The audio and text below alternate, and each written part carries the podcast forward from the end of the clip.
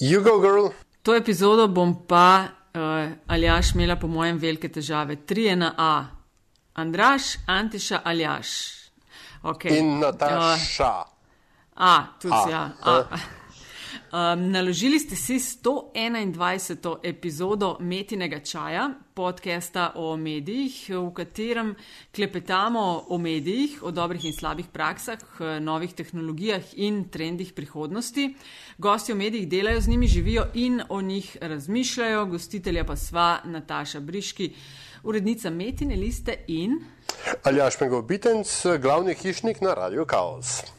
Mm, komentarji in predlogi, dobrodošli kot vedno na infoafna.metina.si. Uh, podsukate naj jo lahko za rokav na Twitterju, recimo Afna Pengovski, Afna DC43, redno pa pregledujeva tudi ključnik Metin Čaj. Meni je ključnik tako lepa beseda. Mene pa ne, ker me spomni na, na ključnico in moja dva zloma, te priklicane kosti in skratka, bad memories. Okay. Um, ali jaš danes mava. Um, Sorry, sem se že začel smejati, ker vem, kaj mava. Jaz si moram pa sproti pisati, Andraš, Antiša, Aljaš. Um, kaj še moramo povedati? Ja, kdo je z nami? Hvala za komentarje. Ja. ja, čakaj, hvala za komentarje, za um, vprašanja, uh, ki nama jih pošiljate. Posnela smo v tem tednu uh, posebno epizodo Metinega čaja in sicer na temo. Uh, pravilnika ali pa pravil iger, ki veljajo za referendumska in volivna soočenja. Ker je namreč kar precej zabavno s tem in kot kaže tudi ta tema, o kateri tokrat govorimo, bo podobno zabavna. To pa so predsedniške volitve in Aljaš rekla sva, da želiva v letošnji sezoni se maljati politike. Ne? Ja, mislim, gledaj, ti se že greš, bere neke upravljive portale, ti si tako ja. rekoč. Jaz sem influencerka. Center, center, ne, ne vem. Yes. You, you're ja. calling the shots. Ja, ful. Uh, tako da to, um, nač, Andraš Zorko, uh, kot vizkid uh, slovenskega mnenja, uh, ne, merjenja mnen, vizkid. A je to lep izraz, Andraš? Ja, zelo, zelo lepo. A ti je že kdo? Hvala. Je lepo, ne? Lepo pis. Andraš, ti si, mislim, da že tretjič z nami, a si, ne? Če ja, se ne motim. Skratka, star gost, veš točno, približno, kako bo šlo, tako da uh, nobenih presenečenj, ne? tudi za zanimivost na koncu ne. ne? uh, in Antiša Korjan, uh, čif, glavni urednik primorskih novic, Antiša zdravo tudi tebi. Lepo zdrav. Um, predsedniške volitve, a začnemo tako nekako za začetek, da povesta, recimo, pa preden se uh, gremo na podrobnosti, uh, Uh, vemo, kdo so kandidati, vemo, da jih je devet, vemo, da bo. Ne, ne, vprost ne vemo. Jaz sem bil cel dan sem bil na avionu in nič ne vem, kaj se dogaja. Tako da, take it from the top. ok, potem te jaz obveščam. Imamo devet kandidatov, od tega je pet kandidatk in volitve so 22. oktober.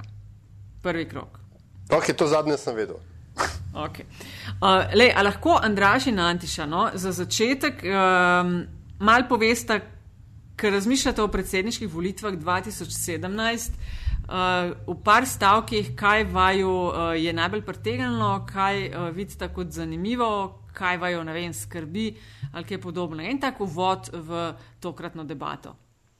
Jaz sem prvi po abecedi, sem ravno kar zračunal in bom kar je začel. No, super. Uh, mene je najbolj presenetila v bistvu nek način ta ironija, ko se je ob napovedi. Um, tekme predsedniške govorili predvsem o tem, da bo to nek resničnosti šov, da bo to ena estrada, da bo polno nekih estradnih, tako imenovanih umetnikov, ampak na koncu smo pa dobili najširši nabor doslej, če sem prav štev. Od tega je vsaj za sedem kandidatov lahko rečemo, da so ugledni predstavniki eh, javnosti, se pravi, imamo župane, imamo doktore znanosti, imamo ministrico, imamo evropsko poslanko in tako naprej. In je zanimivo, glede na to, da so vsi govorili o tem, kako je ta funkcija nepomembna in kako ima mena oblestila in kako gre samo še za nek eh, nastop, da imamo na koncu v bistvu najbolj kvaliteten nabor, če pogledamo kvantitativno, pa tudi kvalitativno v zadnjih 25 letih. No, tisto, kar se meni v zvezi s tem zdi zanimivo, je to, da uh, se izkazuje Bruselj kot uh, nekakšna uh, očitno ustrezna, vsaj v percepciji kandidatov, odskočna deska za uh, naskok na mesto predsednika republike. Če pogledamo, Borod Pahor je en del svoje kariere preživel v Bruslu kot evropski poslanec, enako to zdaj počne Romana Tomc, enako je to počela v nekem obdobju Ljudmila Novak. Uh, v nekem obdobju je bil še en, uh, še en predsedniški kandidat Lojze Peterle, ki se je tudi profiliral uh, kot evropski poslanec, Milan Zver, enako. Tako da očitno je Bruselj tisti, ki je dobra odskočna deska za uh, predsedniške kandidate, kar je posebej zanimivo spričo dejstva, da je po drugi strani med voljivci Bruselj vedno percipiran kot nekaj dolgočasnega, nekaj odmaknjenega od resničnega življenja in tako naprej. Ja, to je fulj zanimivo, tega, ker recimo tudi na prvem mestu po popularnosti, ki gledaš, kjeri eh, politiki najviše sežejo, ne, pa mislim, da je tudi Evropska komisarka predvsej visok. Ne. Po eni strani imamo o Evropski uniji, oh, boring, pa kaj tam delajo, po drugi strani pa očitno kar kotirajo. Ne. Andraž, ja, zakaj, zakaj, zakaj je temu tako? Mogoče, kaj, ja, zelo preprosto. Ne. To je zato, ker so dovolj oddaljeni od domačega prizorišča, da bi bili lahko moteči. Skratka, okay. skratka, nič takšnega ne govorijo, uh, tako, da bi koga tako. lahko ne opredeljujejo se to... do aktualnih stvari.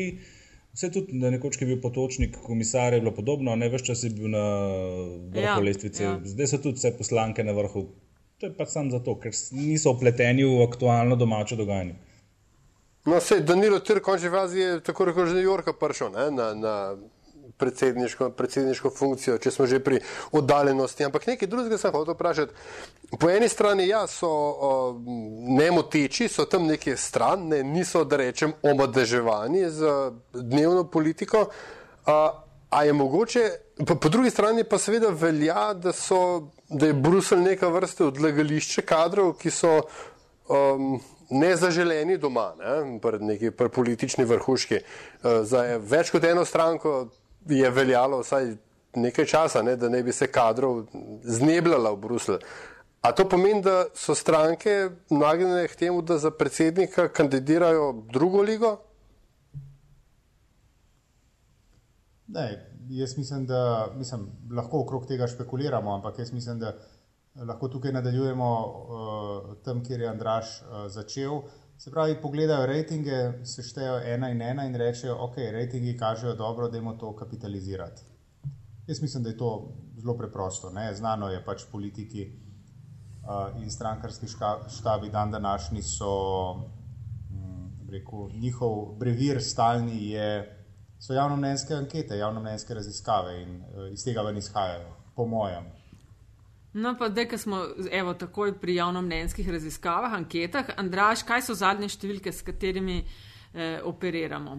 Vem, da pač da, danes, ko to snemamo četrtek, je šele postalo jasno, pa po tradiciji DVK, kateri so kandidati, koliko jih je. Ne, tako da bo treba verjetno kakšen dan, dva počakati, da eh, dobimo resnejšo sliko, kdo kako visoko kotira. Ne, ampak vseeno, od teh številk, ki zaenkrat krožijo, kakšno sliko si, si ti naredil?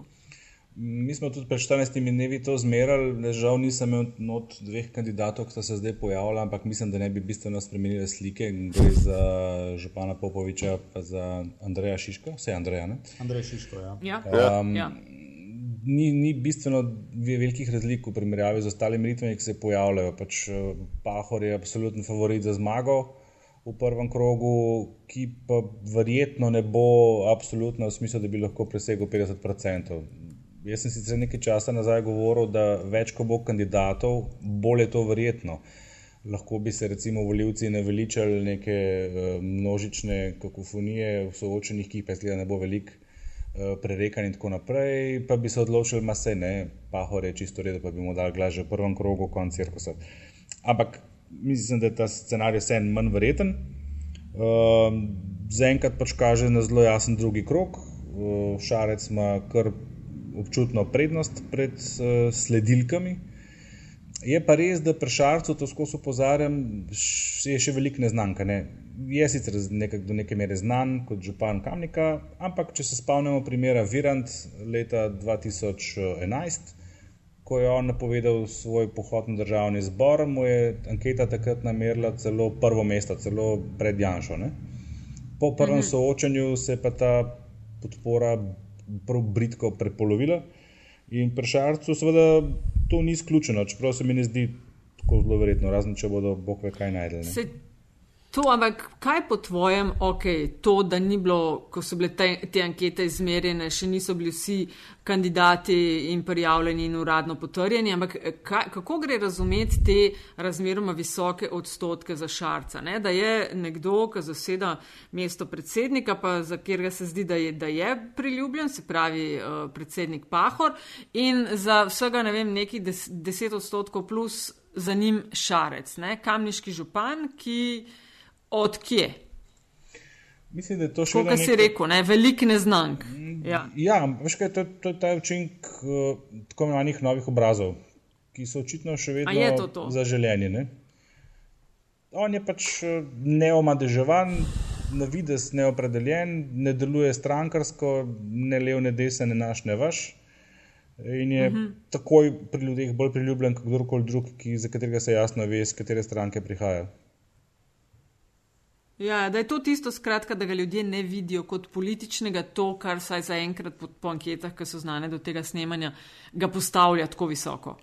Tako, tako. Jaz sem tudi gledal potem v naši analizi, kakšno je razmerje, recimo levo-desno vprašalcev. Uh, on ima celo, mislim, celo, on je nekje tako v sredini, on je dosti podoben po profilu Pahorju, kar se tiče nagnjenosti voljivcev v levo ali pa desno smer.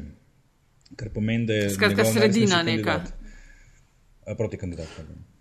Tisto, tis, česar nismo opazili, ne, ali pa eh, v zadnjih nekaj iteracijah predsedniških volitev, je, bilo, je bil nek preboj na desnici. Pa je že na parkrat kazal na njega, še posebej 2007, ko je bil Lojze Patrle na neki točki celo skoraj že predviden za zmagovalca. Um, z zverom v resnici niso kamor prišli in me zanima, a je z Romano Tomc zdaj možen ta preboj, ta mal večja konsolidacija glasov na desnici, ali je tukaj Ljudmila Novak mogoče tista, ki lahko ta voz potegne naprej? Veš, kaj bi te spomnil še na pet let pred 2007, na Barbaro Brezigar?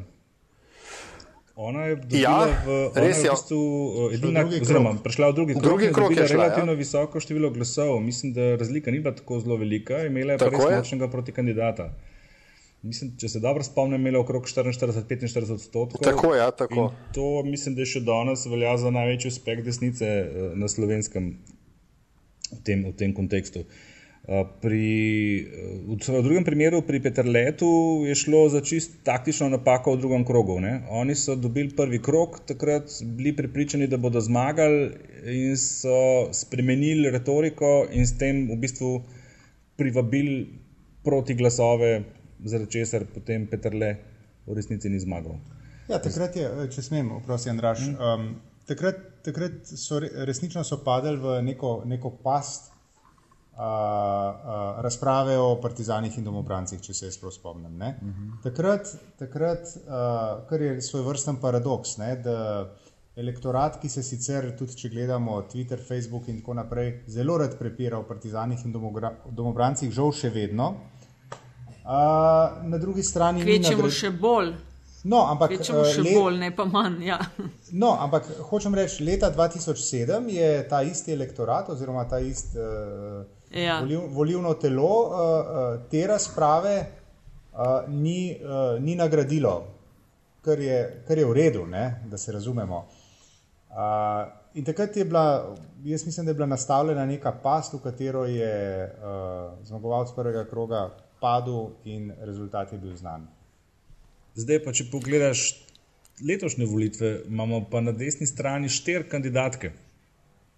Uh mhm. -huh. ne, tako da o konsolidaciji res ne moramo govoriti. Ne. Bolj zgleda, kot da si nekdo res želi, da ne bi uh, nobena od teh kandidatov zmagala. No, da je, ko omenjate ravno kandidatke, ne? pet od devetih. Uh, kakš, zakaj od obeh me zanima odgovor? No? Zakaj mislite, da so te volitve 2017, uh, da je takšna recimo poplava kandidatka ali pa zelo drugače kot prejšnje, prejšnje sezone volitev? Ma, Jaz bi tako z eno primerjavo povedal. Veste, uh, ko se julija pa avgusta odpravljamo na morje, smo vsi prebrisani in se odpravimo ob treh po noč uh, iz Ljubljana oziroma iz kraja, kjer živimo. Uh, in seveda potem smo na meji vsakeč znova zelo presenečeni, koliko je bilo podobno pametnih kot smo sami. Ne? In tukaj jaz mislim, da je podobna stvar. Ne? Enostavno so strankarski štabi ugotovili, da morda, pa, morda je pa čas za žensko kandidatko in so to karto izigrali in zdaj imamo pač bi rekel, uh, uh, gnečo na mejnem prehodu. No, A misliš, da je to, Andraš, ti isto? Ne vem, mislim, Ljudmila je pač predsednica stranke in ta stranka je kandidirala svojo prvo damo, to se mi zdi logično, povezano s polom. Da je gibanje za otroke in družino kandidiralo Gelco Likovič, se mi zdi to dosti logično, glede na to, da je, so verjetno razmišljali, da je najbolj prepoznaven lik v njihovem krogu in da bodo rejtingi ki je že bila Big Brother, ne vem kje, vse. Um, ja, da se bodo prenesli na njene, na njene glasove, kar se seveda ne bo zgodilo. Um, mogoče pa to tudi sam na ključe.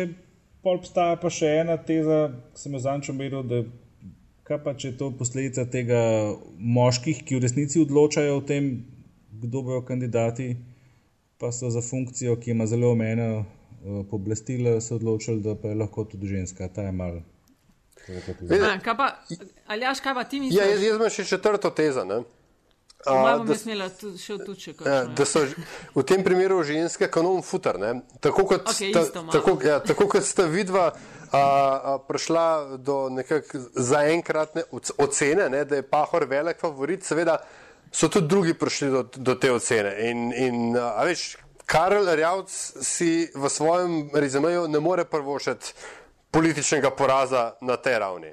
Uh, Janez Janša tudi ne okonča. Matej Tunin verjetno si ga tudi ne bi, sploh pred njegovih letih. Skratka, ženske so tokrat porinili naprej, po mojem, zato ker je možnost zmage manjša, kot bi bila sicer, če ne bi bilo ravno Borota Pahorja med kandidati. Ja, pa se prej omenjeni se tudi ne želijo biti predsednika, ne?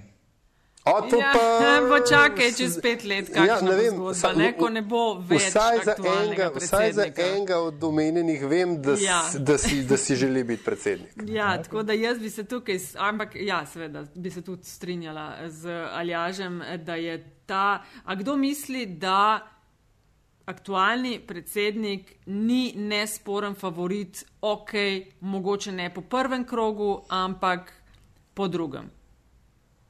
Jaz to mislim. Ti misliš? Ja, ampak, Zakaj? A, zato, ker, zato, ker Hillary Clinton in ker Brexit. Aha. Sam, sam, Misliš, sam iz tega naslova priznavam številke, jih uh, mi je jasno, ne, kaj govorijo. Ja, ja, ja. Ampak uh, puščaš odprto. Se mi zdi, da smo v obdobju, ko se lahko tako rekoč out of the blue naredijo neki tovrstni politični volivni šoki. Jaz sem tle pridružil, absolutno, ker sem človek, ki je leta 2012 precej suvereno napovedal, da Pahor nima nobenih možnosti in da bo Tirk zmagal v prvem krogu. Tako da jaz sem se svoje naučil. No, jaz sem bil okay. pa, a, a sme, a sme, jaz sem bil mogoče eden redkih leta 2012, ki se mi, uh, um, kako se reče, sekanje dreves in uh, ne vem kaj še delo, barvanje ograj. Uh, z vidika običaj, običajnega noro, voljivca ja. ni zdela tako. tako zgrešena politika, o njej sem si sicer mislil svoje, uh, ampak uh, mislim, da, um, mislim, da če gledamo na uh, milijon pa pol ali koliko je voljivcev, uh, je to pristop, ki je, kot tudi rezultati potem kažejo, uh, marsikoga prepričal. V tistem obdobju, jaz se spomnim, jaz včasih v kakšnem kakšni družbi bi bilo mogoče malo neroden celo povedati, da se mi to ne zdi tako zelo uh, slaba politika. Bilo ni bilo popularno, ko... ker sem isto govorila. Ma, vem, da ni bilo popularno. Ja, a veš, mislim, ja. ker je. Ker je uh, Tist, a nas imaš za norca. Ja. Tako, z, tako, a, kaj, a to se tebi zdi, da je bodoči Točno predsednik to, ja. države, se ti zdi primerno, da pobira smeti? Sem rekel, pustimo, kaj se meni zdi primerno. Tako. Vprašanje je, ta človek gre med ljudi on objame tiste ljudi, se rokuje in se smeji, in on zna to v nulo dobro narediti še vedno.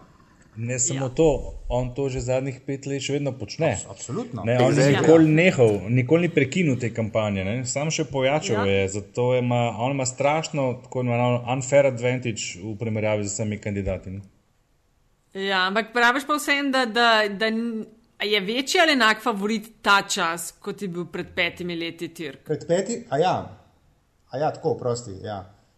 Uh, ne, tako, a je, on, a, a smo. Povej. Ena stvar je, namreč 2012 je Pahor dobil prvi krog za nekaj čez 3000 glasov. Jaz zelo rad operiram s številkami, še posebej z absolutnimi. Um, in on ni, ni dobil takrat bistveno več glasov kot štiri leta predtem kot predsednik SD na državnih zborskih volitvah. On je zmagal v drugem krogu s pomočjo kontraglasov, ki so prišli od tabora Milana Zvera. On je v drugem krogu potem dobil skoraj pol milijona glasov. Ne? Skratka, uh mhm. -huh. ali je zdaj vprašanje, ali je možen tak scenarij letos? Ali se lahko v drugem krogu pojavi nekdo, ki bi lahko zbral kontraglasove, kontrapahor glasove, ker ti so in jih je absolutno več kot takrat, ker takrat jih v bistvu ni bilo. Kar me pripelje do, druge, do, do drugega vprašanja, glede na to, da je Pahor dobesedno pet let pelal kampanjo za, za reelekcijo, ali smo lahko na, na neki točki, ki bi se rekel uh, za lepo slovensko besedo, pahor fatig. Veš, da nam tako rekoč, kjerkoli konzervo odpreš, pahor ven iz nje skoč. Ker če ne drugega, je pa kakšno bedarijo, ali to, to mi deli miška na redu, da je bil v medijih. Ne? A je možno, da smo, da smo se ga naveličali? Mm, ne vem, pri Tomi Miška delaj, ali kako je bila že ta famozna sintagma, je on naredil še nekaj, kar v slovenski politiki ni pogosto. Upravičil se je. Ja. Pihnil je v uno pojočo travico in se upravičil. Tega v slovenski politiki ne vidimo prav pogosto. Uh, kar se tega tiče. Zdaj, kar ja, se ja. tiče pahor fatik, kot praviš, Andra, uh, Aljaš, še jaz se motim. Ne? Ja, Aljaš, Andraš, Antiša. Aljaš, Andraš, Antiša, prej sem bil za Ambrože, mislim, cela zmeda. No? Um, uh, Spet ne vem. Ne?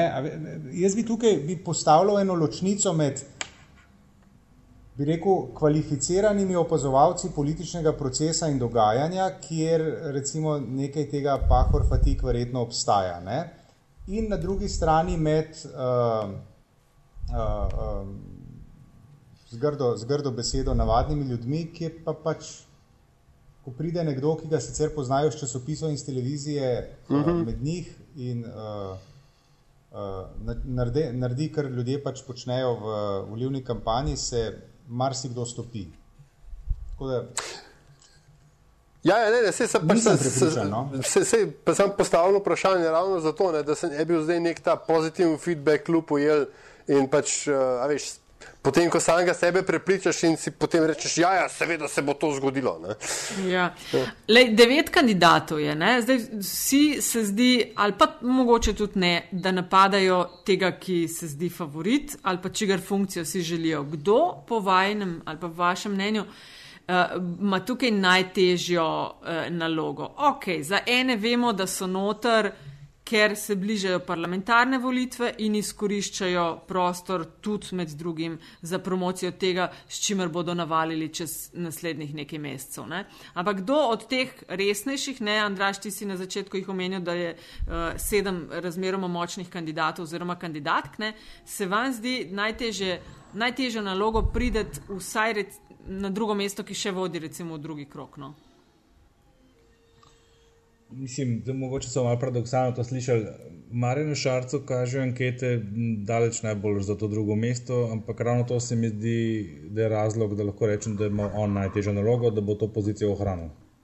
Ker v Aha. trenutku, ko bi se zgodil kaj tasga, kot recimo Virantu takrat, pred uh, že šest, šestimi leti, bi se ta boj za drugi, drugo mesto kar naenkrat zelo odprl, razširil. Potem imamo tle Romano Toms, Ljudmila Novak, se mi zdi še ena posebej zanimiva favoritinja. Pa tudi ne bi zanemaril, recimo Maja Makova Zbrenčič, ki trenutno sicer raziskave ne kažejo najboljš.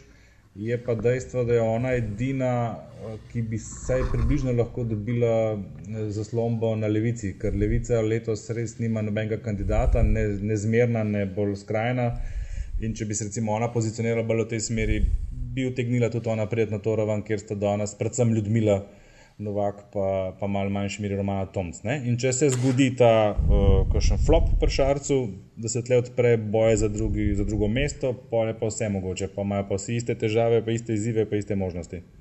Dve vprašanje. A pol se strinjamo, da Pahor ni kandidat levice ali kako? To seveda, da ne. Okay. Kdaj, kakšen kandidat levice? Ja, no, glede na to, da ga Dejan Židan in skupina voljivcev predlagajo. Ja, no, ja. Postal je predsednik okay. z glasovi levice ja, in desnice. Danes tisti, ja. ki ga podpirajo, so približno pol-pol, če pogledamo Se, strukturo ja, njegovih ja. voljivcev. On je dejansko sredinski, ne samo po podpori, ki jo ima med voljivci, ampak tudi po dejanjih. Ja, ja, ja. No, no. No, in in prosim, Taša, dru, drugo, drugo vprašanje. Uh, pa seveda, um, levica ne, z velikim L. Uh, a je to strateški propust, so, da, so, da nimajo svojega kandidata na teh na, na volitvah? Antiša.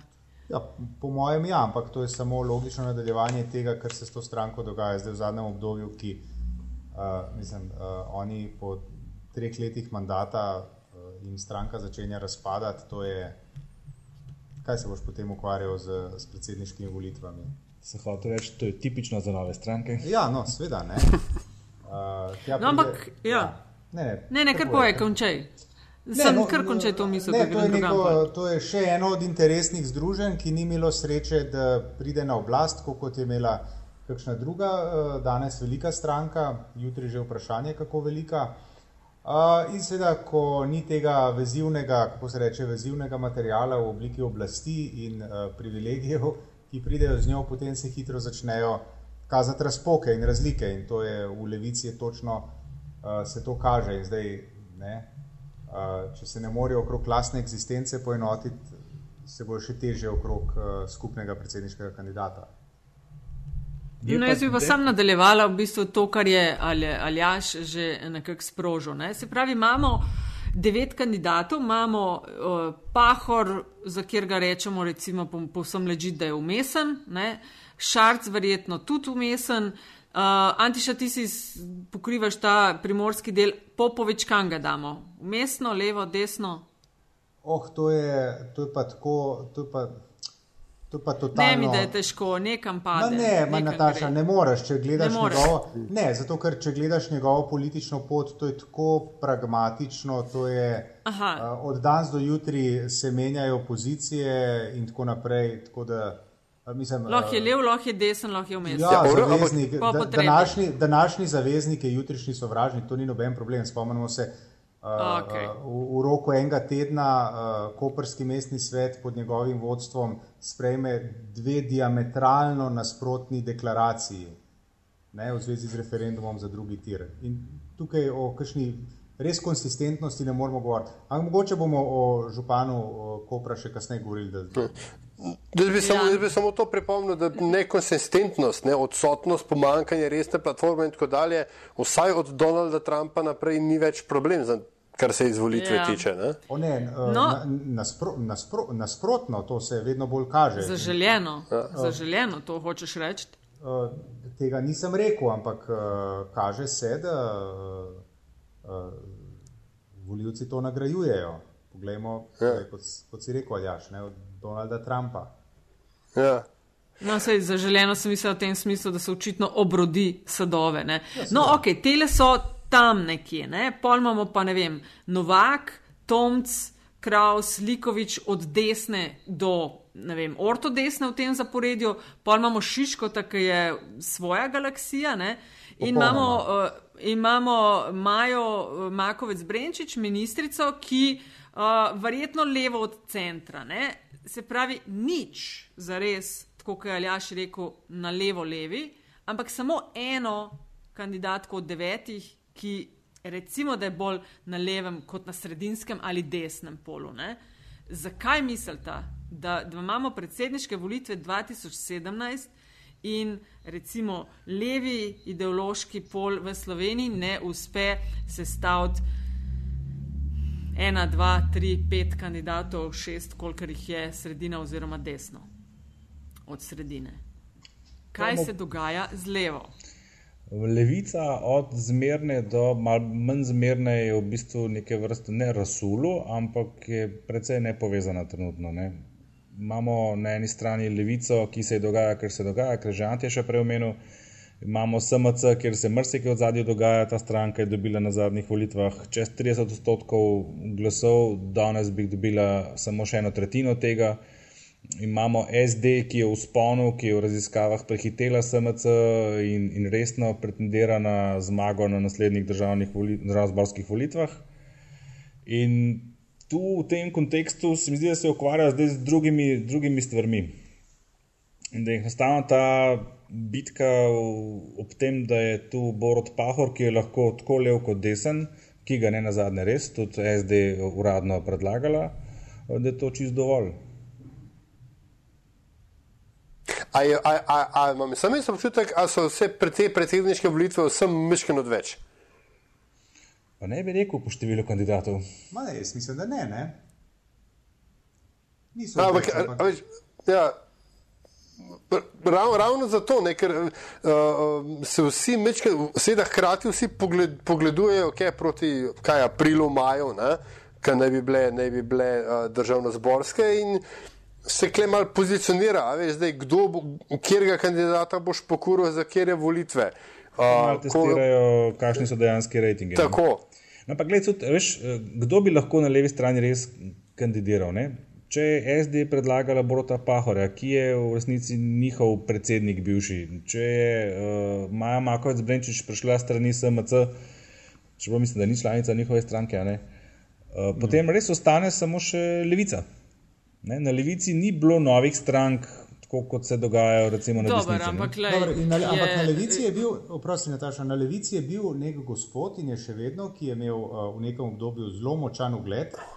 Bil je tudi del političnega establishmenta, ime mu je Matjaš Hanžek, ki je, ko je vstopil zdaj v parlamentarno politiko, bolj ali manj poniknil. On bi recimo lahko funkcioniral kot, uh, uh, kot kandidat levice, ki, kot rečeno, z nekim, z nekim uh, ugledom, referencami in tako naprej.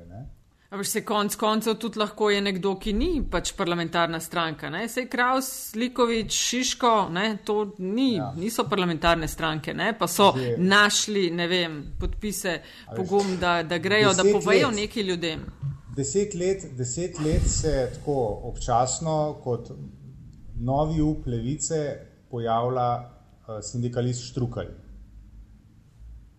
On ga zdaj v tej operativni politiki ni nikjer, ampak jaz deset let že o njem poslušam in se pogovarjam in tako naprej kot o morebitnem upu slovenske levice. Ampak ok, ne, ni se pojavil niti oddelač v, v razpravah o predsedniških volitvah.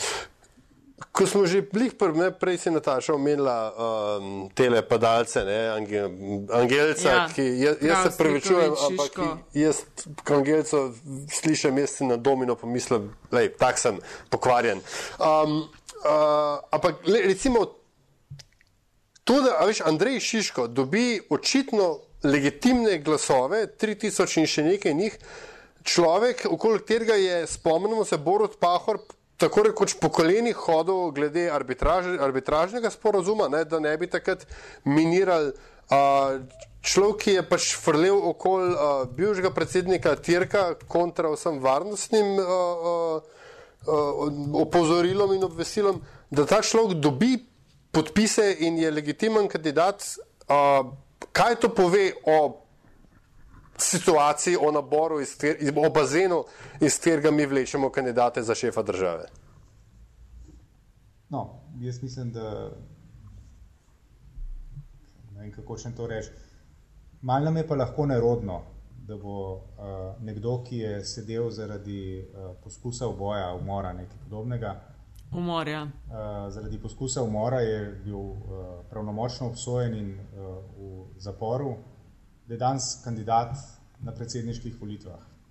No, seštejmo te stvari, ki sem jih povedal, pa se vprašamo, kje živimo. Ja, imeli smo po zgodovini tudi zmaga Linčiča, ki je na nek način dosti podoben temu kandidatu, mogoče malo manj ekstremen, ne? ampak dosti daleč pa ni. Ne? Andraš, ti si na začetku omenil, da se ti ne zdi, da to, kar mogoče iz kakšnih krogov se sliši, ali pa tudi dost pogosto, da, letošnji, da je letošnji ciklus en sam cirkus, pa si naštel, da ležit kandidate. Ne? Ampak kaj pa mislite o tistih, ki. Uh, ker to se res sliši, ne, da v tem pa jaz ne bom sodeloval, ne vem, konc koncev Šiško, konc koncev Likovič noter, ne, tega se pa jaz ne grem, te volitve bodo brez mene. Uh, naj, a veš, to dost na levi se tega sliši ne, in pol pa drugi peljejo stvari dalje, oni pa v nekem elementu jokanje, kaj vse ni, kaj vse oni bi, če bi, ko bi ne, in ne vem kaj še. Kaj, kaj mislite o teh, uh, ne bom sodeloval v tem, što so. Ja, verjetno je to odraz dejanskih pooblastil, ki jih ta funkcija ima. Pa to, kar je tudi uh, en od vas preomenil, volitve državno-zborske so relativno blizu. In mislim, da je tam fokus in da se ukvarjajo predvsem s tem. Kaj pa mislite, da bližina državno-zborskih volitev, kako dela drugačne tokratne predsedniške?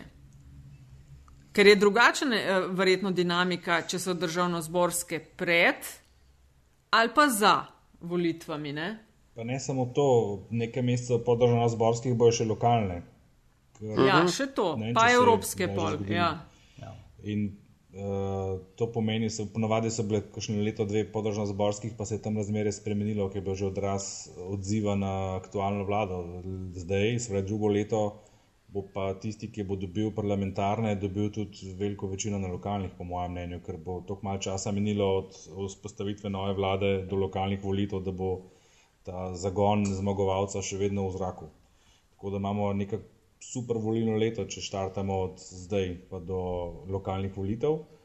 In tle so računice verjetno razno razne. Uh, jaz vidim tudi recimo tega kandidata Šiška, to sem nekje bral na družbenih omrežjih neko tezo, da gre za v bistvu merjenje eh, moči oziroma potencijala neke skrajne desnice v Sloveniji, kar se mi zdi čisto verjetno.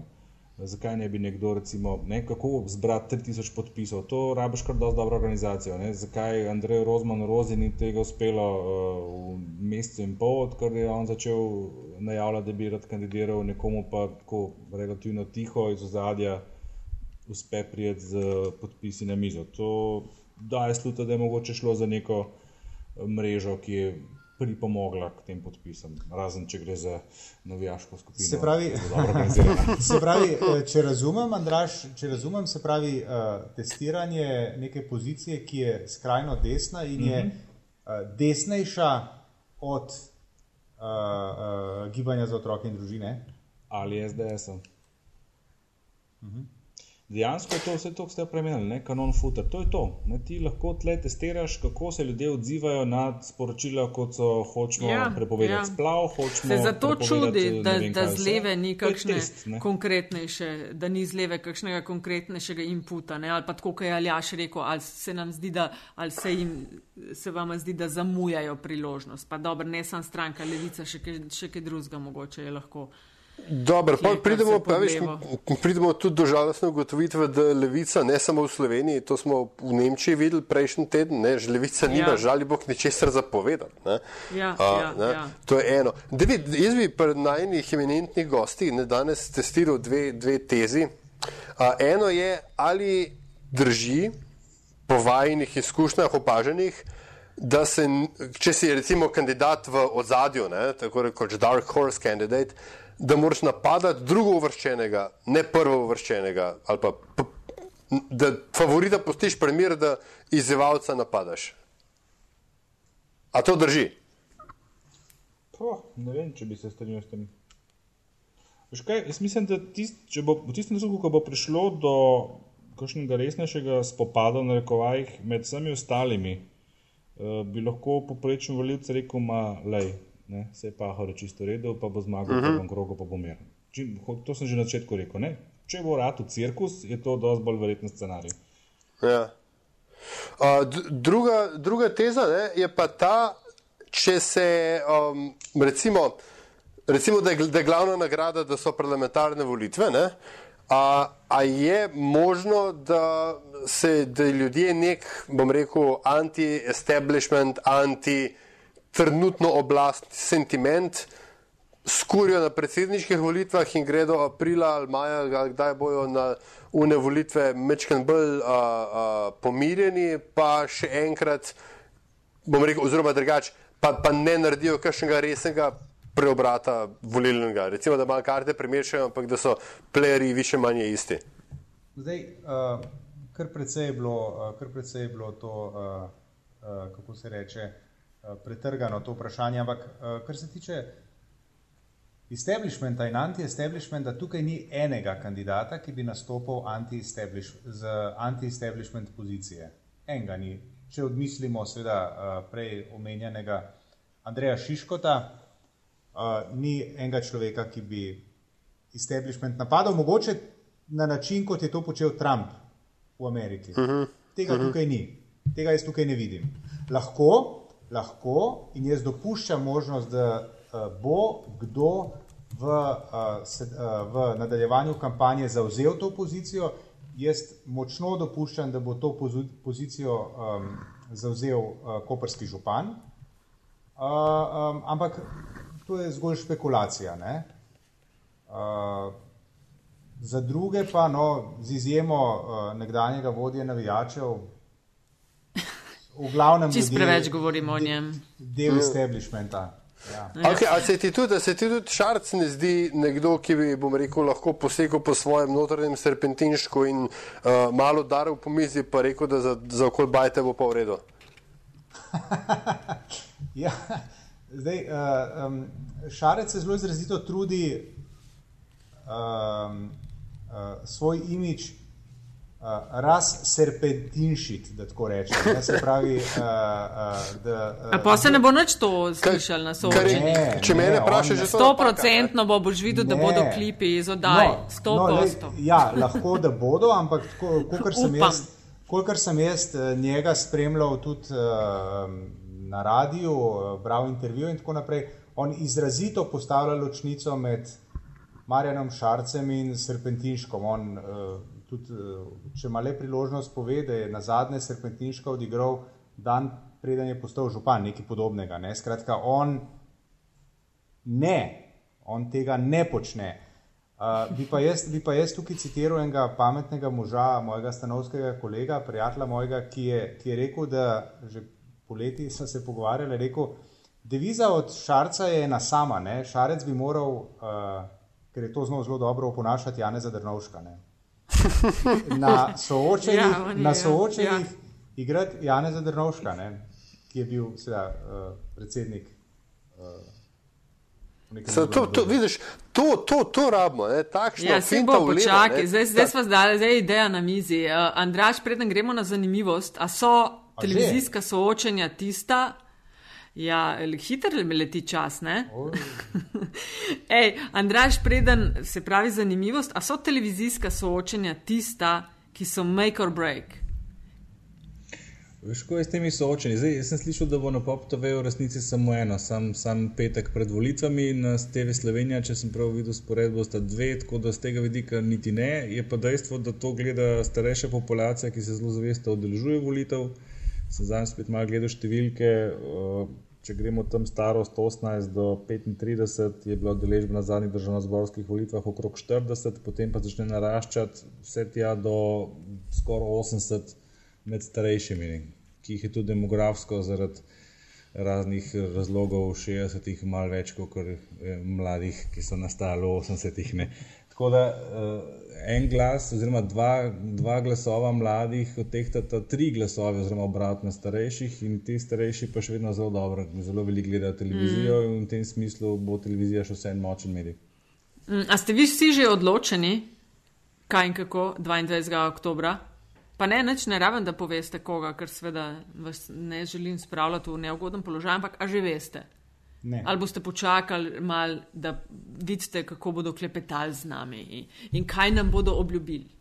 Ne, jaz se praviloma odločam tako zelo pozno in v fotofinišu. Uh, in ne skrivam, da včasih tudi precej mimo udarim, ampak ok.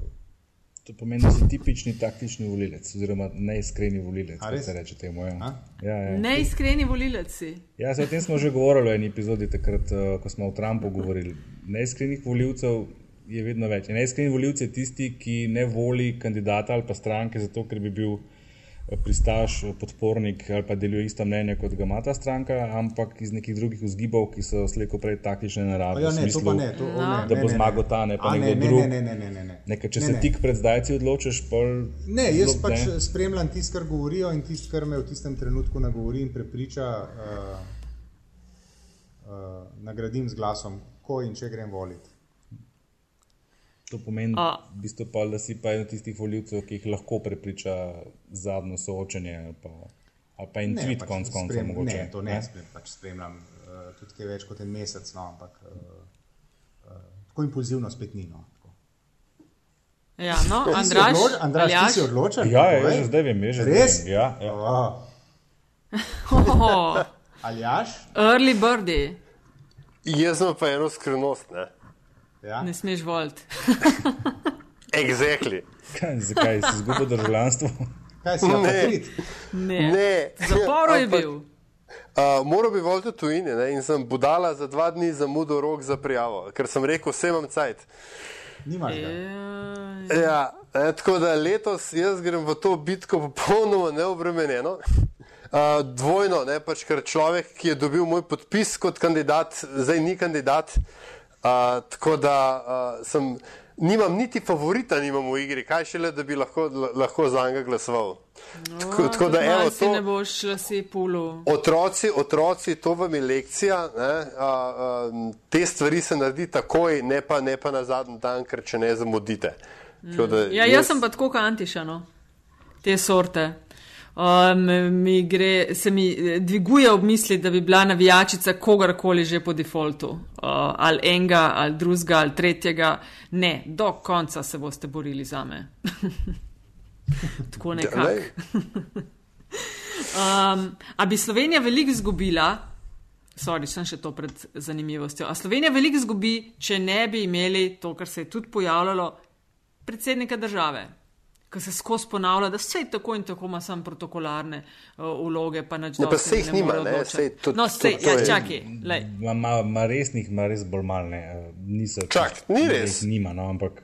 O, k- ja, no, ampak kje je? Okay, Glej, Aljaš, povej, ne, je kaj ta, brez eh, česa imenovanje ne bi mogli. KPK, se mi zdi kar pomembna stvar. Je Tako je. Pa vojske, rač- pa računska pa računskega, sodišča, pa, pa- pa mandatarja v končni fazi. Ne? Jaz Ja, mislim, ampak Pa leto- imenuje- ambasadorje, pa Je, Ok, ni tako čakaj, le, le, le, no, le, ampak- stop, stop. Ja, Ambasador imenuje, ne, ne, Ne, to lej, ni, no. no, to ni, ampak- povejo tam, se svetujejo koga. Za predsednika računskega- oprosti, oprosti. Danilo, Nataša. da, oprosti. No, a, Aljaš, a, povej, kar bi jaz povedal. Dej. No, dej ta. Dimitri Rupel ni veleposlanik na Dunaju, Ja, zato ker je predsednik i, seveda. tako. Ja, a? ampak samo in tudi vemo, zakaj ni. Ja, in ja, v redu, ampak glej, ima to pooblastilo, to ti hočem ja, reči. ima pooblastilo, no, ampak lahko s- brez tega, če bi nekdo drug bil, bi tisti drug isto lahko njega imenoval. Ne rabiš predsednika države, da ti ne, neki ne imenuje. Ni- ni- Na glej, KPK isto rabi podporo od razli... Ni, da gre Borut Pahor pa reče, te trije bodo. Seveda. Ne. Nego? Ja, Ne, res, jaz, Nataša, jaz mislim, da tja. se točno to dogaja. Jaz mislim, da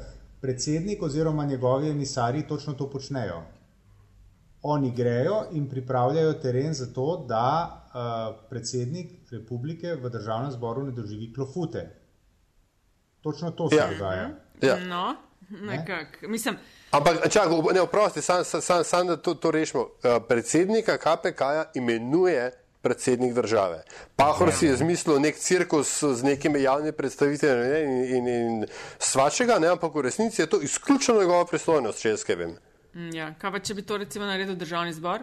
Ja, so pa to pa so imeli, to je pa tista stvar, ki so No, jo razsuli. saj, lej, jaz nič ne pravim, da ne, ja, ampak, a veš, so države, kjer je pa pač. Ne, gled, predsednik gled, pol, politolog meni ti bo zdaj povedal, da, da parlament ja. nima kaj imenovati uh, šefa KPK-ja, Ja. ker potem on imenuje tistega, ki parlament nadzoruje. ne? A veš, tako da kle ne gre. Skratka, šef države obstaja namreč, postavil se je trend povečevanja pristojnosti predsednika republike. Dokler je bil Milan Kučan, je, bilo to, je bila to izključno parlamentarna funkcija, ki jo je Kučan naredil s svojim političnim gravitasom v to, kar, kar mi zdaj domnevamo, da je predsednik republike. Zdaj pa imaš ti. Eh, Imenuje člane v eh, NDOK v svet RTV, pa imaš KPK, pa računsko smo rekli, predlaga kandidate za ustavne sodnike, ki je tudi pomembno. A veš, je kle en, ene par stvari in odgovor na tvoje vprašanje je, ja, Slovenija bi kar precej izgubila, če te funkcije ne bi imela. Ok, jaz nisem tako zelo prepričana v to. Ampak ajde. Um, gremo na zanimivost. Mm, Antiša, kdo bo začel? Andraš? Jaz sem začel v vodoma, ne zdaj Antiša. Joj. Aha, ok. Pa, pa, ajde. Zanimivost, kaj je Andraž? Saj veš, kako. Andraž, Ja, povem, kako Andražu, se- ja, to- Andražu, ja. joj. Je velik ljubitelj uh, poezije Lojza Rebule. No, odlično. Zdaj se že skoraj tako počutim, kot v mopečovu, tisti loži tam gor. Ne, mi dva, tako, uh, en uh, disclosure, mi dva z Andražem se zelo dolgo poznava. Uh, uh, in uh, eno drugo veva res marsikaj. Uh, a ne, Andraž. Ne bo, ne bo to zanimivo, da se mi dva res že dolgo poznava in sva vse šole sva hodila skupaj. Tako rekoč, ja. A do fa, fa, s faksom vred? Tudi. ja. tudi.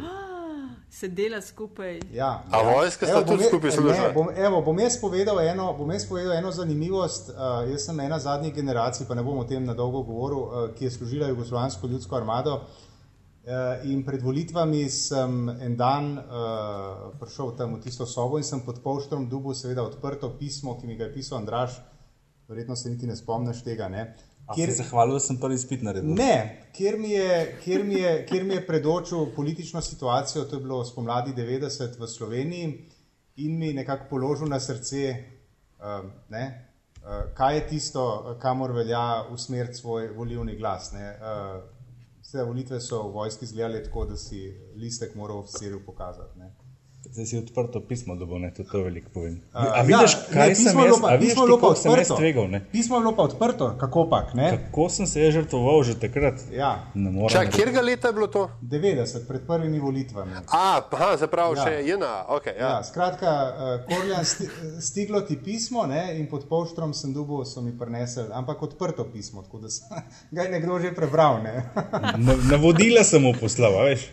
Ker jaz sem pa za razliko od njega in ostalih prijateljev te generacije, ker sem videl, da bo res vsi šli v vojsko služiti, je na ustal tle za vsak slučaj, ker nekdo je mogel nadzirati situacijo na domačem terenu. A redu. A to vzamemo v paketu, ali, ali si ti uh, boš iz rokava uh, zorko stre- stresu še kaj? Ravno, ker sem tole stresel, to je bilo po mojem. Ej, ful, lepa hvala. Ali jaz ti bi še kaj dodal? Ne, ne, razen to, da mislim, da se bomo še slišali v toku te kampanje. Ne? Z vesoljem, A, Z krasno. ves- s tem vesoljem. Ja. Ej, lepa hvala, to je bil Metin Čaj, ne? uh, 121. epizoda, ključnik Metin Čaj oziroma hashtag za Aljaža. Uh, Tako. dobite pa gosta Antiša, ti si na Twitterju pod uh, Uh, Afna Korjan. Afna Korlja. Tako je, ja.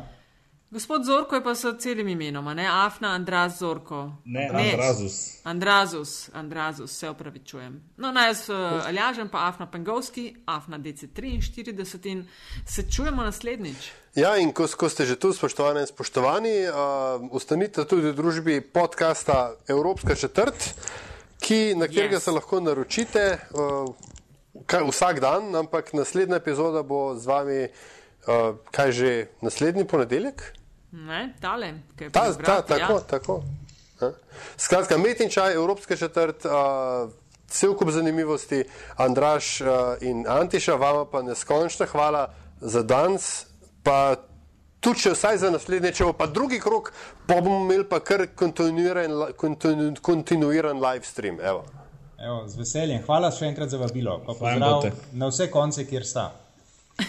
Ajde, Hvala. čau. Čau, čau.